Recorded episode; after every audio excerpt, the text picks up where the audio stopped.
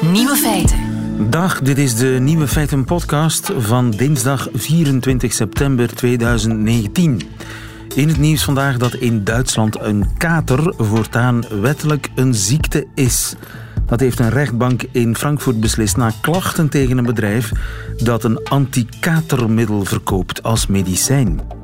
Onder ziekte moet je ook kleine of tijdelijke verstoringen van de normale toestand of de normale werking van het lichaam begrijpen, met inbegrip van vermoeidheid, misselijkheid en hoofdpijn. Zo luidt het vonnis. Bovendien gebruiken artsen de medische term vijzalgie, vijzalgie inderdaad, voor, de ochtend, voor het ochtendelijke resultaat van overmatige alcoholconsumptie de avond voordien. Zei de rechter nog. Ik zou toch niet op het ziektebriefje aan de baas zetten. De andere nieuwe feiten vandaag. In Londen schorst het Hoge Rechtshof de schorsing van het parlement. Hoe langer de sok, hoe sneller de wielrenner. De ESA gaat vanuit de ruimte de CO2-uitstoot van diverse landen meten. Britse veeartsen zijn tegen James Harriot, de legendarische tv-veearts. En de baksteen van de toekomst is gemaakt van zaagsel en schimmel. De nieuwe feiten van Hugo Matthijssen hoort u in zijn middagjournaal. Veel plezier. Nieuwe feiten. De Britse Hoge Raad zegt dat de huidige schorsing van het parlement onwettig is. Alle elf de rechters waren het daarover eens. En dat betekent dat de schorsing wordt opgeheven en het parlement weer aan het werk kan. Hendrik Vos, goedemiddag. Hey, goedemiddag, lieve. Professor Europa, we horen dat John Bercow, de bekende Speaker of the House, al een spoedzitting bijeen heeft geroepen. De regering eh, had het parlement vijf weken naar huis gestuurd, Boris Johnson, zijn kabinet. En de Hoge Raad die zegt nu dat mocht helemaal niet. Wat betekent dat voor Brexit? Dat, dat, is afwachten natuurlijk. De schorsing van het parlement is geschorst. Maar of het veel verschil zal maken, ik weet het niet. Hè, want dat parlement ja, heeft zich een paar weken geleden nog heel uitdrukkelijk uitgesproken tegen een no-deal Brexit. Het parlement heeft gezegd, we willen niet dat het land zomaar zonder een akkoord uit de Europese Unie tuimelt. En ja, goed, dat standpunt is duidelijk. En voor de rest merkte je dat het parlement op alle mogelijke andere vlakken heel verdeeld was. En, en dat zal nu niet opgelost zijn. Hoe de brexit precies moet georganiseerd worden dan, ja, dat, dat, dat heeft het parlement nooit duidelijk kunnen zeggen. Het is daar drie jaar mee bezig geweest. En ja, die paar weken extra die er nu zijn, om daar misschien over na te denken, die zullen het verschil niet maken. Dus of het heel veel zal veranderen, dat weten we niet. Ze hebben eigenlijk Johnson al klem gezet, hè? want ze hebben al een wet gestemd die hem verplicht om uitstel te vragen in geval van no deal. En zijn nieuwe verkiezingen die hij wou, heeft het parlement ook al geweigerd. Dus ze kunnen hem moeilijk nog klemmer zetten dan hij al zit.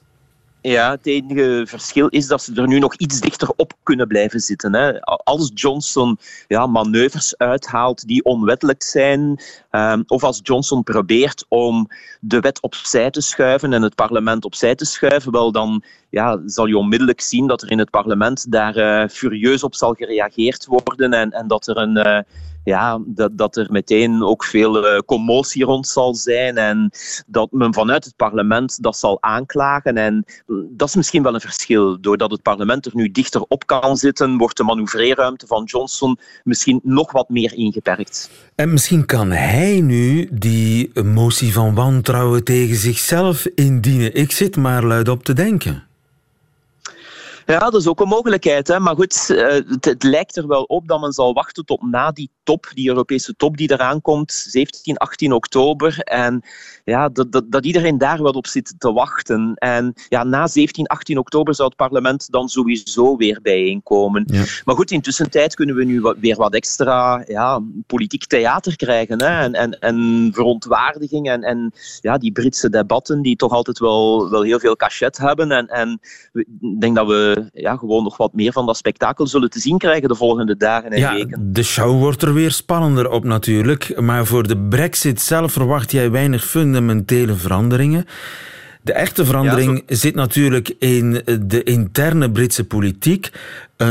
Groot-Brittannië, het Verenigd Koninkrijk, het land zonder geschreven grondwet, waarbij die, die verschillende machten, de wetgevende macht, het parlement, de uitvoerende macht, het kabinet, Johnson, en de rechterlijke macht, deze, in dit geval dus de Hoge Raad, die zich allemaal in een hele kleine driehoek daar rond Westminster situeren. Dat machtsevenwicht, dat spel tussen die drie machten in een land zonder geschreven grondwet, dat is heel spannend hè, om te bekijken.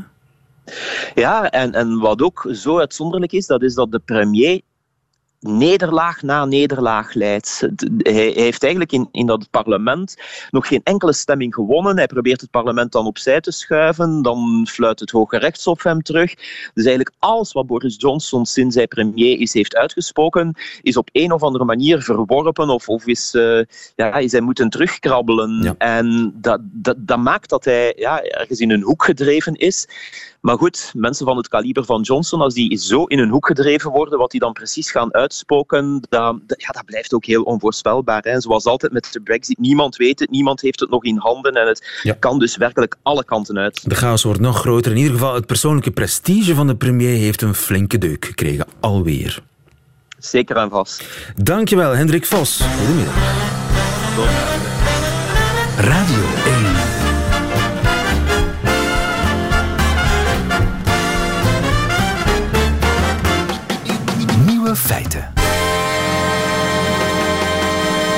Zelfs doorgewinterde wielercommentatoren zoals Renaat Schotte en José de Kouwer die keken zondag raar op tijdens het WK wielrennen.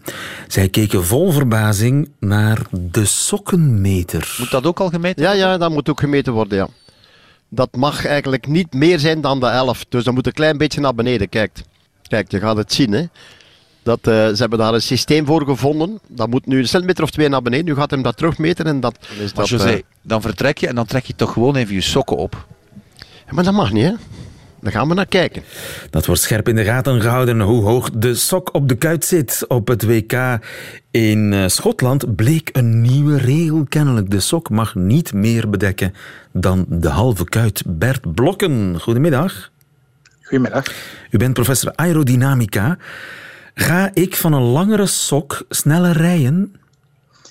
Um, als dat een uh, goed gekozen sok is, een goed gekochte sok, dan wel. Het hangt van de sok af? Ja, hangt van het type sok af. Dus uh, je hebt uh, inderdaad aerodynamische sokken die, um, zal ik maar zeggen, een, een verticaal streepjespatroon hebben en daardoor eigenlijk ja, de ruwheid creëren die je bij wijze van spreken ook op een golfballetje hebt, hè, waardoor een golfballetje eigenlijk meer aerodynamisch wordt, terwijl dat geldt eigenlijk ook voor het onderbeen. Ja, ja. Dus hoe langer die, die sok over dat onderbeen zit, hoe meer aerodynamisch jouw onderbeen wordt. En dus ook de rest van het lichaam. En er moeten ribbels in die sokken zitten? Ja, toch een of andere ruwheidstextuur. Hè. Dus het en liefst verticale ribbels van die... Um, ja, dat is wat het meeste wordt gebruikt. Dat is wat het meest gangbaar is. Um, maar er zijn vast ook andere um, ribbels of bolletjes of andere patronen te bedenken die, die misschien even goed werken of zelfs nog beter. Ja, en als ik die nu over heel mijn been zou kunnen trekken als een soort legging, dan heb ik helemaal, um, uh, dan word ja. ik helemaal als een speer. Ja, dan, eh, dan zou je nog sneller kunnen gaan. Nu is het wel zo dat um, ja, het onderbeen staat nog relatief gezien um, vrij verticaal. Bij het bovenbeen is het al een stuk minder. Ja. Um, dus dan zou je die streepjes misschien wel in de andere richting moeten gaan plaatsen. Maar het zal daar wat minder effect hebben dan op het onderbeen. En, um, dus het onderbeen is echt ja, een plek waar je, net zoals op de bovenarmen en de schouders, eigenlijk veel winst kunt halen door ja, dat textiel wat aan te passen, wat, wat ruwer ja. te maken. Eh, maar ook op andere plaatsen op mijn lichaam, op mijn schouders, op mijn borst, op mijn buik, zouden zou de ribbels de aerodynamica kunnen verhogen? Uh, niet overal. Nee, het, ideale pak is eigenlijk, en dat zie je ook met, die, met de skinsuits van tegenwoordig, de tijdritpakken. Het ideale pak is glad op de juiste plaatsen en ruw op de andere plaatsen. Dus eigenlijk ruw op die plekken waar um, ja, de stomming, uh, waar men verwacht dat de lucht eigenlijk gaat wegschieten van het lichaam, losschieten. En dan wordt eigenlijk turbulentie en zuiging gecreëerd. En dat wil je eigenlijk tegengaan. Dus het zijn heel specifieke plekken op het lichaam. Hè. Zoals ik net zei, die, die bovenarmen, de schouders, um, dan de benen, waar um, ja, eigenlijk een, een zekere ruwheid aan te raden is. En andere plekken waar dat dan net niet het geval is. Hè. Denk bijvoorbeeld aan, aan de helm, uh, denk aan de borst. Ja, dat moet, en, dat en, moet en, zo glad mogelijk zijn. Want dat is natuurlijk het rare. Hè. Je zou denken hoe gladder, hoe aerodynamischer. Maar in dit geval ontstaat er een soort ja, windeffect die positief is. Ja, ja inderdaad. Ja. Dus uh, het is inderdaad niet altijd zo. Hè. En, en, uh, dat hangt natuurlijk ook af aan de snelheid waarmee je rijdt. En bij ja, wielrenners is dat nu zo dat je net in, in een, ja, een zone zit van snelheden waarin dat effect gaat spelen. Hè. Stel nu dat je uh, het heeft weinig zin bijvoorbeeld om, om een hele um, een auto of een racewagen, laat staan een vliegtuig, te gaan bekleden met dat soort uh, ruwheid of rebeltjes omdat dat dan zodanig snel gaat dat het effect eigenlijk niet meer speelt en dat voordeel ook weg is. Maar is het dan, uh, ik probeer, ik probeer met mijn kleine verstand te begrijpen, is dat dan dat, dat je eigenlijk een soort windstroom creëert door die ribbels die je, die je nog meer vooruit duwt? Um, ja, wat er, eigenlijk, wat er eigenlijk gebeurt is dat Um, je hebt het voorbeeld van een vliegtuigvleugel. Dat gaat eigenlijk, ja, dat is zeer aerodynamisch, gaat de wind volledig over, mooi over um, de contouren van die, van die vliegtuigvleugel stromen. Um, maar bij niet gestroomlijnde lichamen, zoals een wielrenner of zoals een golfballetje, ja, kan die stroming eigenlijk niet dat volledige oppervlak volgen. En op een bepaald moment eigenlijk schiet die stroming dan eigenlijk los en dan krijg je wat men noemt het SOG of de slipstream. Ja. Uh, en in die slipstream eigenlijk ja, ontstaat zuiging. Ja. Uh, dus je wilt die slipstream eigenlijk zo klein mogelijk maken en je wilt jezelf zo aerodynamisch mogelijk maken. En nu blijkt inderdaad dat als je die ruwheid toepast hè, op dat golfballetje of op de sokken of de bovenarmen, um, dat de lucht eigenlijk langer aan dat lichaam blijft kleven.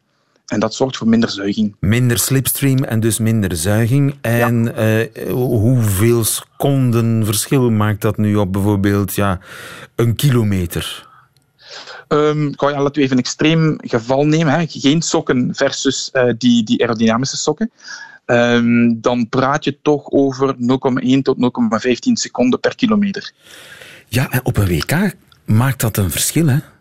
Natuurlijk. Ja, maar dus het is natuurlijk wel zo dat ja, al die, die uh, renners hebben en de ploegen hebben inmiddels wel door dat dat ja, voordelig werkt. Dus iedereen heeft wel die sokken. Um, en maar dat ze, is mogen ja, dan, ja, ze mogen niet langer Ja, dan de precies. halve kuit komen. Ja. Want we spreken toch, hè, als we het over 30 kilometer hebben, dan hebben we het toch al over een paar seconden verschil. En eh, elke seconde telt hè, in de wielrennerij. Zo zit dat. Ja, ik, ja, begrijp het, ik begrijp het helemaal. Dankjewel Bert Blokken. Goedemiddag. Radio 1. Intussen heb ik bezoek van eh, Flip Feiten, kenner van All Things British. Het is een hoogdag voor jou, neem ik aan. Aha. Flip Feiten, eh, het hoge, de Hoge Raad, Het Hooggerechtshof. het Hoge Rechtshof, Supreme Court. de Supreme Court in Engeland heeft beslist dat die schorsing eh, geschorst moet worden, de schorsing van het parlement. Ja. Alweer een knauw eh, in de reputatie van Boris Johnson. hè? En wat voor een. Ik bedoel, de premier van een land heeft dus eigenlijk de wet een beetje overtreden. Heeft de Queen in verlegenheid gebracht, want het is op zijn advies dat de Queen eh, toestemming gegeven heeft om dat parlement vijf weken Ja, ook dat naar nog, huis te sturen. Ah ja, dus de Queen komt niet in gevaar, maar het is on the advice of her prime minister dat zij braaf dat advies volgt en het parlement Zou het kunnen dat bij de eerstvolgende audiëntie hij nogal onder zijn voeten zal krijgen? Zou dat kunnen? Ik, eh, ik, ik zou letten op waar haar eh, handtas hangt. Misschien. eh, Hoezo? Heeft, heeft dat een betekenis? Thatcher was, werd geciteerd als she handbagged someone. Dat wil zeggen, de, enfin, dus, figuurlijk. Eh, maar een klap met de handtas zou wel... Oké, ja. klap met de handtas als de camera's niet lopen zou zeker niet uitgesloten zijn. Flip Feiten, ja. Eh, je, je volgt het op de voet. Ja, natuurlijk. Dit- Eh, eigenlijk is- moet het parlement nu terug samengeroepen worden. Burkhoff heeft het al... heeft het al gezegd. Ik denk dat hij nu al een, een heel mooie das aan het uitkiezen is om eh, in de Kamer te verschijnen. Maar het is een beetje lastig, want op dit moment zijn alle partijen in partijcongressen bezig. Het is eigenlijk het seizoen van de partijcongressen. Dus normaal gaat het parlement op zich met reces, pas op, niet opgeschort, maar met reces, dat is iets anders. Dus eh, hoe dat dan moet, dat het parlement terug samenkomt, ik weet het niet, maar het, eh, de soap goes on. Ik had er net eh, Hendrik Vos, de Europa-professor, aan de lijn. En die zegt, ja, Johnson zat al klem. Het parlement Ja. heeft hem al klem gezet. Hij kan moeilijk nog klemmer zitten. Ja. Dus voor de brexit op zich zou het eigenlijk niet zoveel verschil maken. Ja, ik denk, ik denk wat, wat- wat moet hij doen? Ik denk dat hij nou... Kan hij hier tegen in beroep gaan? Dat denk ik niet. Ik weet het niet. Ehm, misschien moet hij gewoon het parlement terug toelaten. Maar ja, goed, dan, dan komt het weer bijeen en dan gaat de soap verder. Eh, In ieder het is- geval, het is voor de liefhebbers van de soap is het, een, is, is het goed Ongelooflijk. nieuws. En, en de, eh, zijn raadgever, zijn Rasputin-raadgever Dominic Cummings, wat daarmee gaat gebeuren, daar ben ik ook een beetje benieuwd Daar zijn we ook in. Maar ik had jou eigenlijk voor iets helemaal anders uitgenodigd. Nieuwe feiten. Radio 1. Want Britse veeartsen zijn tegen James Harriet, de aaibare veearts uit deze legendarische serie. Ik wou dat ik u de brede glimlach kon laten zien van Flip Feiten bij het horen van deze klanken. Klanken die ja, zoete herinneringen oproepen. zoete herinneringen aan een eenvoudig bestaan als veearts in het noorden van Engeland. Op het platteland in de jaren 50. Alle schepsels, groot en klein. All creatures great and small. Serie die ook bij ons te zien is Ja, geweest absoluut. tot, ik denk, vroege jaren 90. Ja, ik denk het, ja. ja. Maar James Harriet kan de pot op vinden, de veeartsen, namelijk de nieuwe voorzitter van de Vereniging voor Veeartsen van Klein Vee, de, de Veeartsenvereniging voor Klein Vee, ene Sue Patterson, die wil James Harriet zo snel mogelijk vergeten. Ja, en eh, ik denk dat ze het zeggen omdat er komt een nieuwe serie. Channel 5 gaat eh, het verhaal opnieuw brengen. Ze gaan het filmen, het komt volgend jaar eh, op televisie. Ik... jij hebt ook naar die serie gekeken. Absoluut. Ja, ik denk, ik weet niet wat ik lees. Ik bedoel, mevrouw Patterson, hebt u wel gekeken naar die serie?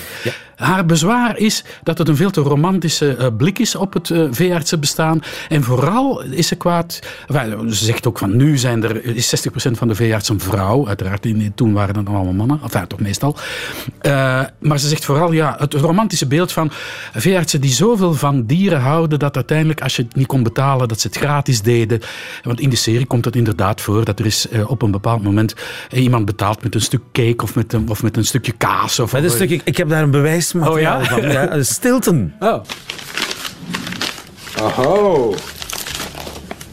Stilton, my very favourite. Ah. A certain good lady of this parish was on the telephone yesterday, inquiring after your gastronomic inclinations. Oh? She said her dog wanted to know. Dear Uncle Harriet, just a small token of appreciation for services rendered. Ja, een, een klein gebaar van erkenning voor diensten geleverd. En dat, ja, Kaas. ja, tr- trouwens, is helemaal de verkeerde kaas. In die eh, regio moet je Wensleydale kaas, eh, schitterende kaas trouwens, eh, eh, offereren. Maar dat zou nog steeds een rol spelen vandaag. Veeartsen worden soms verondersteld om gratis te werken of in ruil voor een stuk kaas. Dat zou best kunnen, maar dat, dit was een uitzondering in de serie. Die serie blonk uit door een, een voorstelling van het ha- keiharde leven van die veeartsen daar. In de winter, in de kou, in de vrieskou. Bij, eh, we, we spreken jaren dertig, tussen de twee wereldoorlogen. Ehm, de, de, de veeartsenijkunde was ook niet zo ver gevorderd als ze nu was. Er kwamen wel nieuwe producten, ik, denk zelfs eh, antibiotica misschien, hè, in de, in de, in de veeartsenijkunde. Maar dat waren, die kwamen op boerderijen bij boeren, knoestige boeren die nog, die nog bijgelovig waren, die die nieuwlichters van die jonge veeartsen met argwaan bekeken, ehm, die ondankbaar waren als, als die een hele nacht in de vrieskou hadden gestaan eh, om, om, om, een koe te kalven.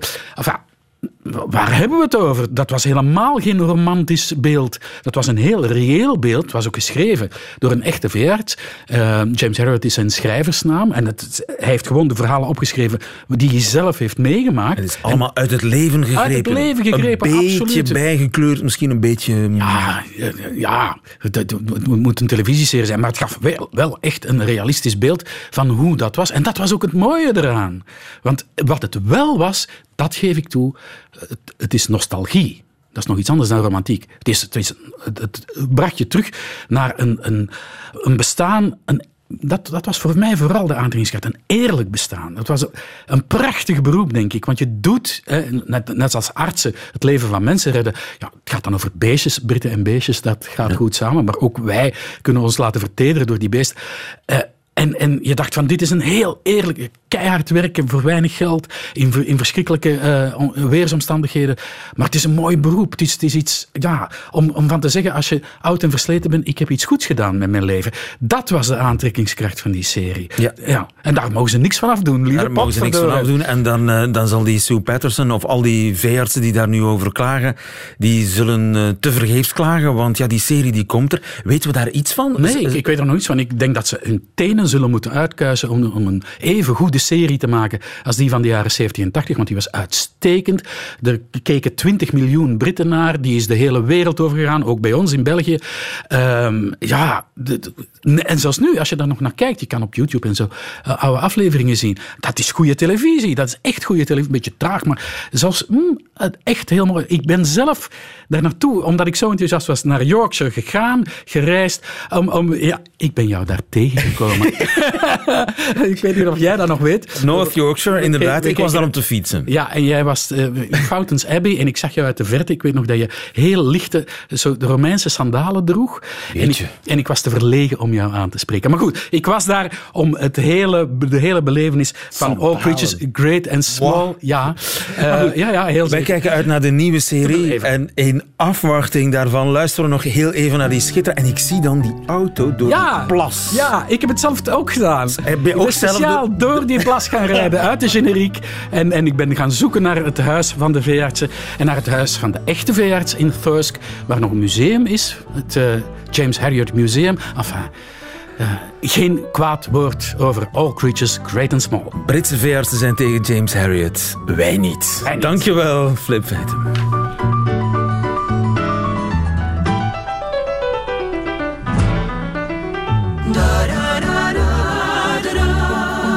Nieuwe feiten. Radio 1. Uw voorgevel bestaat binnenkort misschien niet langer uit beton, baksteen of hout, maar uit schimmel. Tenminste, als het aan Han Wusten ligt. Goedemiddag, meneer Wusten.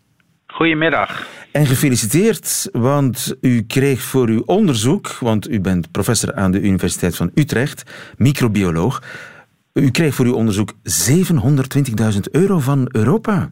Ja, geweldig hè? En dat is een onderzoek naar schimmel als bouwmateriaal. Klopt. Hoe kwam u op dat idee? Nou, wij hebben in het eh, verleden was ik eh, in contact met een eh, kunstenaar-ontwerper. En die kwam op het idee om kunstvoorwerpen te maken waarbij afvalstromen, zoals zaagsel of stro, door die te doorgloeien met schimmel. En dan worden al die eh, zaagseldeeltjes of strodeeltjes worden aan elkaar geplakt tot een stevig materiaal. En hij maakte daar dus kunstvoorwerpen van. Boetseren met schimmel, als het ware.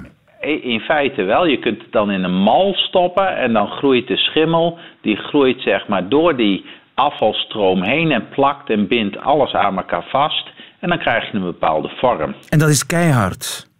In principe is dat keihard. We kunnen dus de afvalstroom kunnen variëren. Dan moet je denken aan, wat ik al zei, verschillende soorten stro of van koolzaad of van tarwe.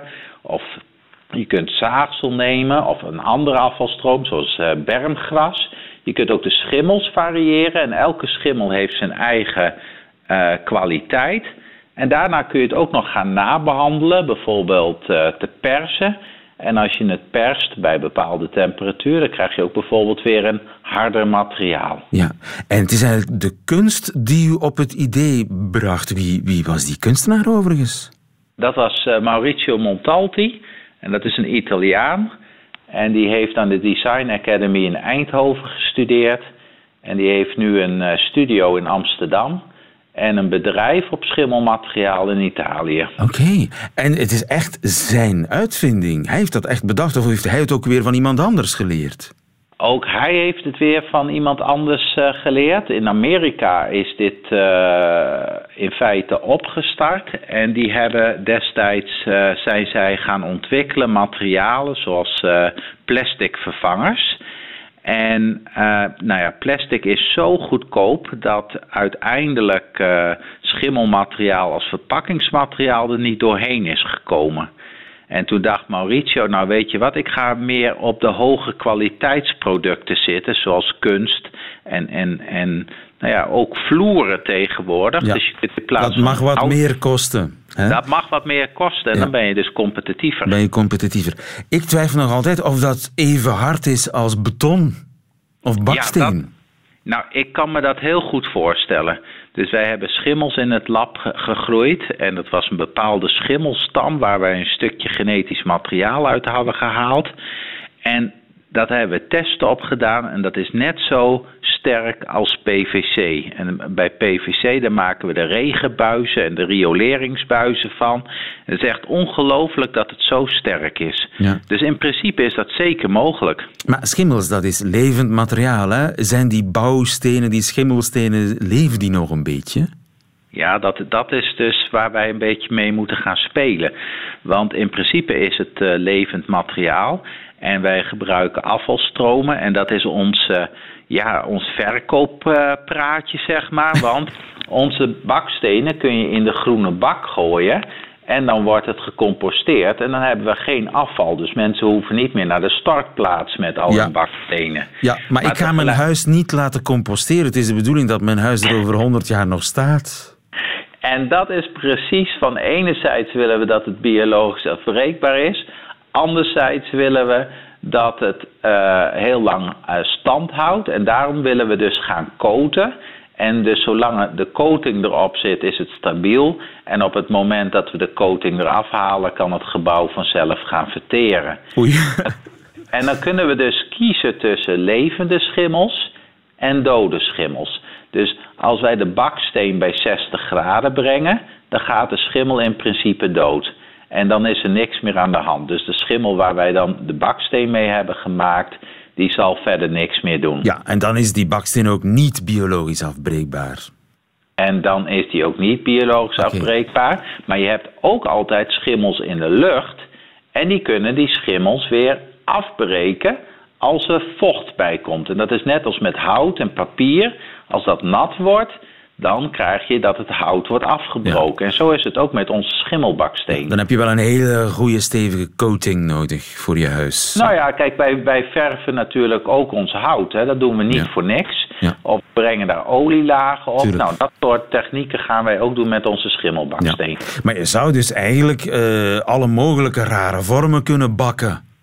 Ja, kijk, en ik heb het voor het gemak heb ik het over eh, bakstenen. Maar je zou bij wijze van spreken een groot frame kunnen opstellen van misschien wel, wel 100 meter hoog, bij wijze van spreken. En dan groeien wij gewoon dat in één keer helemaal dicht. eh, waarbij we helemaal geen bakstenen meer gaan stapelen. Maar dat de schimmel in één keer het gebouw helemaal eh, begroeit, zeg maar. Ja, en eh, dat is sowieso veel milieuvriendelijker dan bakstenen, beton en cement. Ja, de hele absoluut. schimmelzaak. Ja. Enerzijds hebben, kunnen schimmels gewoon groeien bij de temperatuur zoals die buiten is. Hè. Bakstenen moeten gebakken worden. Eh, beton eh, moet gemaakt worden in betonfabrieken. Kost ontzettend veel energie. Anderzijds gebruiken wij afvalstromen. En die afvalstromen, daar zit ook veel CO2 in vastgelegd. En zolang het in onze bakstenen zit, komt het niet meer vrij in de lucht. Dus het draagt ook bij aan eh, klimaatbeheersing. Ja, u bent nog eh, volop aan het studeren. Wanneer zou ik die schimmelstenen kunnen kopen, denkt u? Nou, we zijn, eh, of we, dat is die start-up compagnie in, in Italië. Die heeft op dit moment, eh, is die dus zijn eh, isolatie, geluidsisolatiepanelen aan het verkopen. Dat is de eerste binnenhuis applicatie. Volgend jaar komen de vloeren. Dat is natuurlijk allemaal binnenhuis. Daar is het droog. En de volgende stap zal dus inderdaad de buitenhuisapplicatie zijn. Ik denk ongeveer over vijf jaar. En dan beginnen we eerst maar eens met eh, fietsenschuurtjes te bouwen. En van daaruit eh, bouwen we het uit tot wolkenkrabbers. Ik wens u daar heel veel succes mee. Dankjewel, Han Wusten van Ja. de Universiteit van Utrecht. Goedemiddag. Dag. Nieuwe feiten. How dare you? You have stolen my dreams and my childhood with your empty words. How dare you? Ja, Greta Thunberg in New York gisteren, meisje van 16, veegt de verzamelde wereldleiders de mantel uit op de klimaattop. En ze krijgt steun nu van de ESA, de Europese ruimtevaartorganisatie. Die werkt namelijk aan een milieupolitie in de ruimte. Jo van Kanegem, goedemiddag. Goedemiddag. Je bent eh, industrieel ingenieur, hoofddocent aan de Universiteit van Leuven. Waarom houdt een ruimtevaartorganisatie zich bezig met het meten van de uitstoot? Want dat is wat ze van plan zijn, hè? Ja, ehm, als ik het goed begrepen heb, zien zij het als een manier om de uitstoot van CO2 door de verschillende landen te controleren. Ze zien het eigenlijk als een bijkomend instrument om na te gaan of de CO2-emissies die de verschillende landen rapporteren wel degelijk kloppen Aha, want met de werkelijke uitstoot. Niet alleen de autoconstructeurs durven daar nog alles over liegen. Um, ja, nu is er wel op wereldvlak een uh, richtlijn, een heel ingewikkelde richtlijn, die uh, heel uitgebreid en nauwkeurig aangeeft hoe de verschillende landen hun CO2-uitstoot moeten meten en moeten rapporteren. Uh, maar maar blijkbaar zijn er een aantal landen, waaronder ik vernomen heb China, uh, die in het verleden fouten gemaakt hebben in hun rapportering. Zij hebben te weinig CO2-emissies uh, aangegeven. Ja, ze durven wel eens een fabriekje overslaan. Inderdaad, ja. En technisch is dat mogelijk om vanuit de ruimte de CO2-uitstoot correct te meten? Um, het is mogelijk om vanuit de ruimte concentraties van CO2 in de lucht te meten. Of dat ook heel accuraat kan, is nog een vraagteken. Um, uiteindelijk meten die satellieten concentraties in de lucht, dus de hoeveelheid CO2 die in de lucht zit. Maar daarmee kunnen zij nog niet meten hoeveel CO2 er over een bepaalde periode, bijvoorbeeld over een heel jaar, uitgestoten wordt.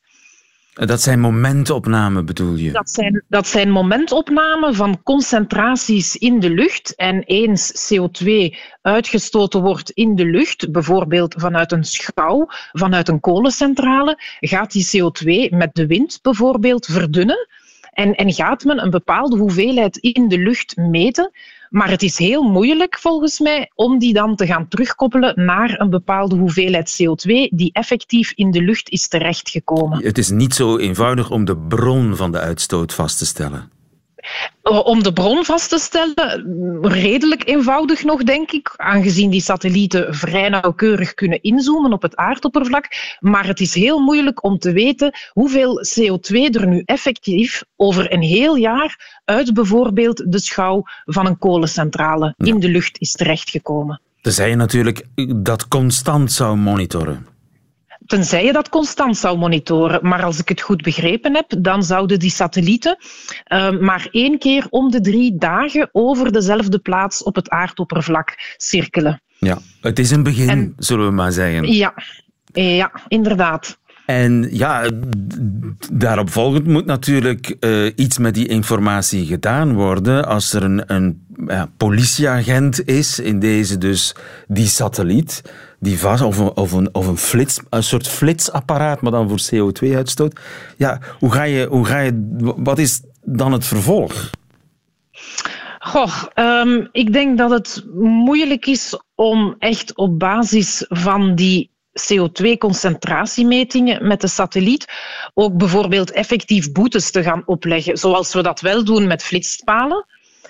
Um, nu is het uh, zo. Want ja, wie zou die boete moeten opleggen?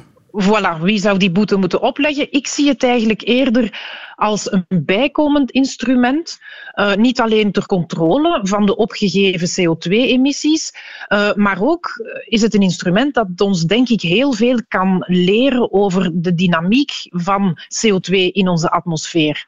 Want wij stoten CO2 uit, dat weten we allemaal.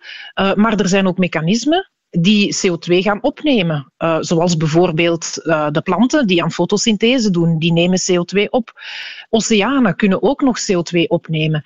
En ik denk dat die satellieten eigenlijk een enorm handig instrument zijn om meer inzicht te krijgen in die mechanismen En ook om inzicht te krijgen in wat men noemt de meer diffuse bronnen van CO2. Dat zijn heel kleine bronnen van CO2 die verspreid zijn over een groot oppervlak, uh, zoals bijvoorbeeld bossen. Uh, of um, er zijn ook andere broeikasgassen naast CO2, zoals bijvoorbeeld methaan dat uitgestoten wordt. Um, bijvoorbeeld uit oude stortplaatsen, waar men zich helemaal niet van bewust is. En aan de hand van die satellieten zou men eigenlijk in kaart kunnen brengen waar men grote diffuse bronnen heeft van broeikasgassen, zoals CO2 en methaangas. Ja, en zo krijgen we een veel correcter en vollediger beeld. Jo van Kanegem, dankjewel. Goedemiddag. Nieuwe feiten. Middagjournaal. Gisteren besteedde een kwaliteitskrant een halve pagina aan de nieuwe jury van De Slimste Mens. Want als het gebladerte begint te verkleuren, is er de slimste mens om ons op te beuren. Dan wel om wat te zeuren over dat gebeuren. En dan krijg ik vaak de vraag of men mij ooit heeft gevraagd voor dat programma. Dan zeg ik, jazeker, Erik van Looy zelf heeft mij ooit gebeld en ik heb hem toen ongeveer het volgende gezegd. Ik kort het nu wel een beetje in.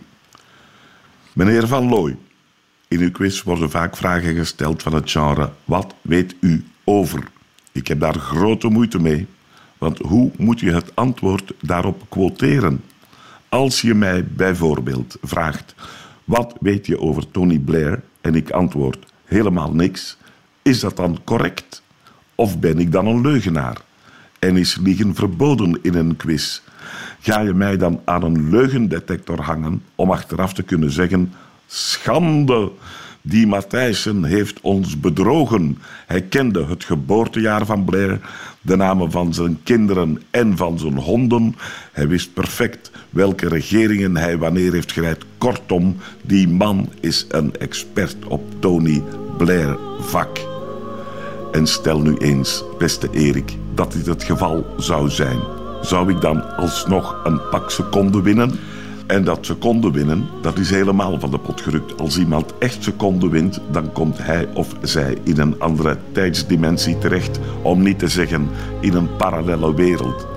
Nu zal je misschien zeggen, Erik, een parallele wereld, bestaat dat wel? Wel, dat is een domme vraag. Even dom als, wat weet u over Tony Blair?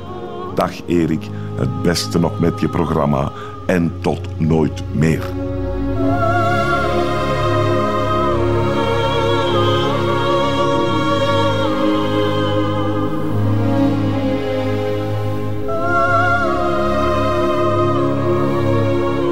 Filosoof Hugo Matthijssen in het Middagjournaal. Meteen het einde van deze podcast. Maar u vindt er nog veel meer op alle mogelijke andere podcastkanalen.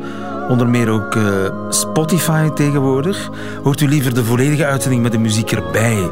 Dan kunt u terecht op de app of op onze site waar u nog veel meer podcasts vindt.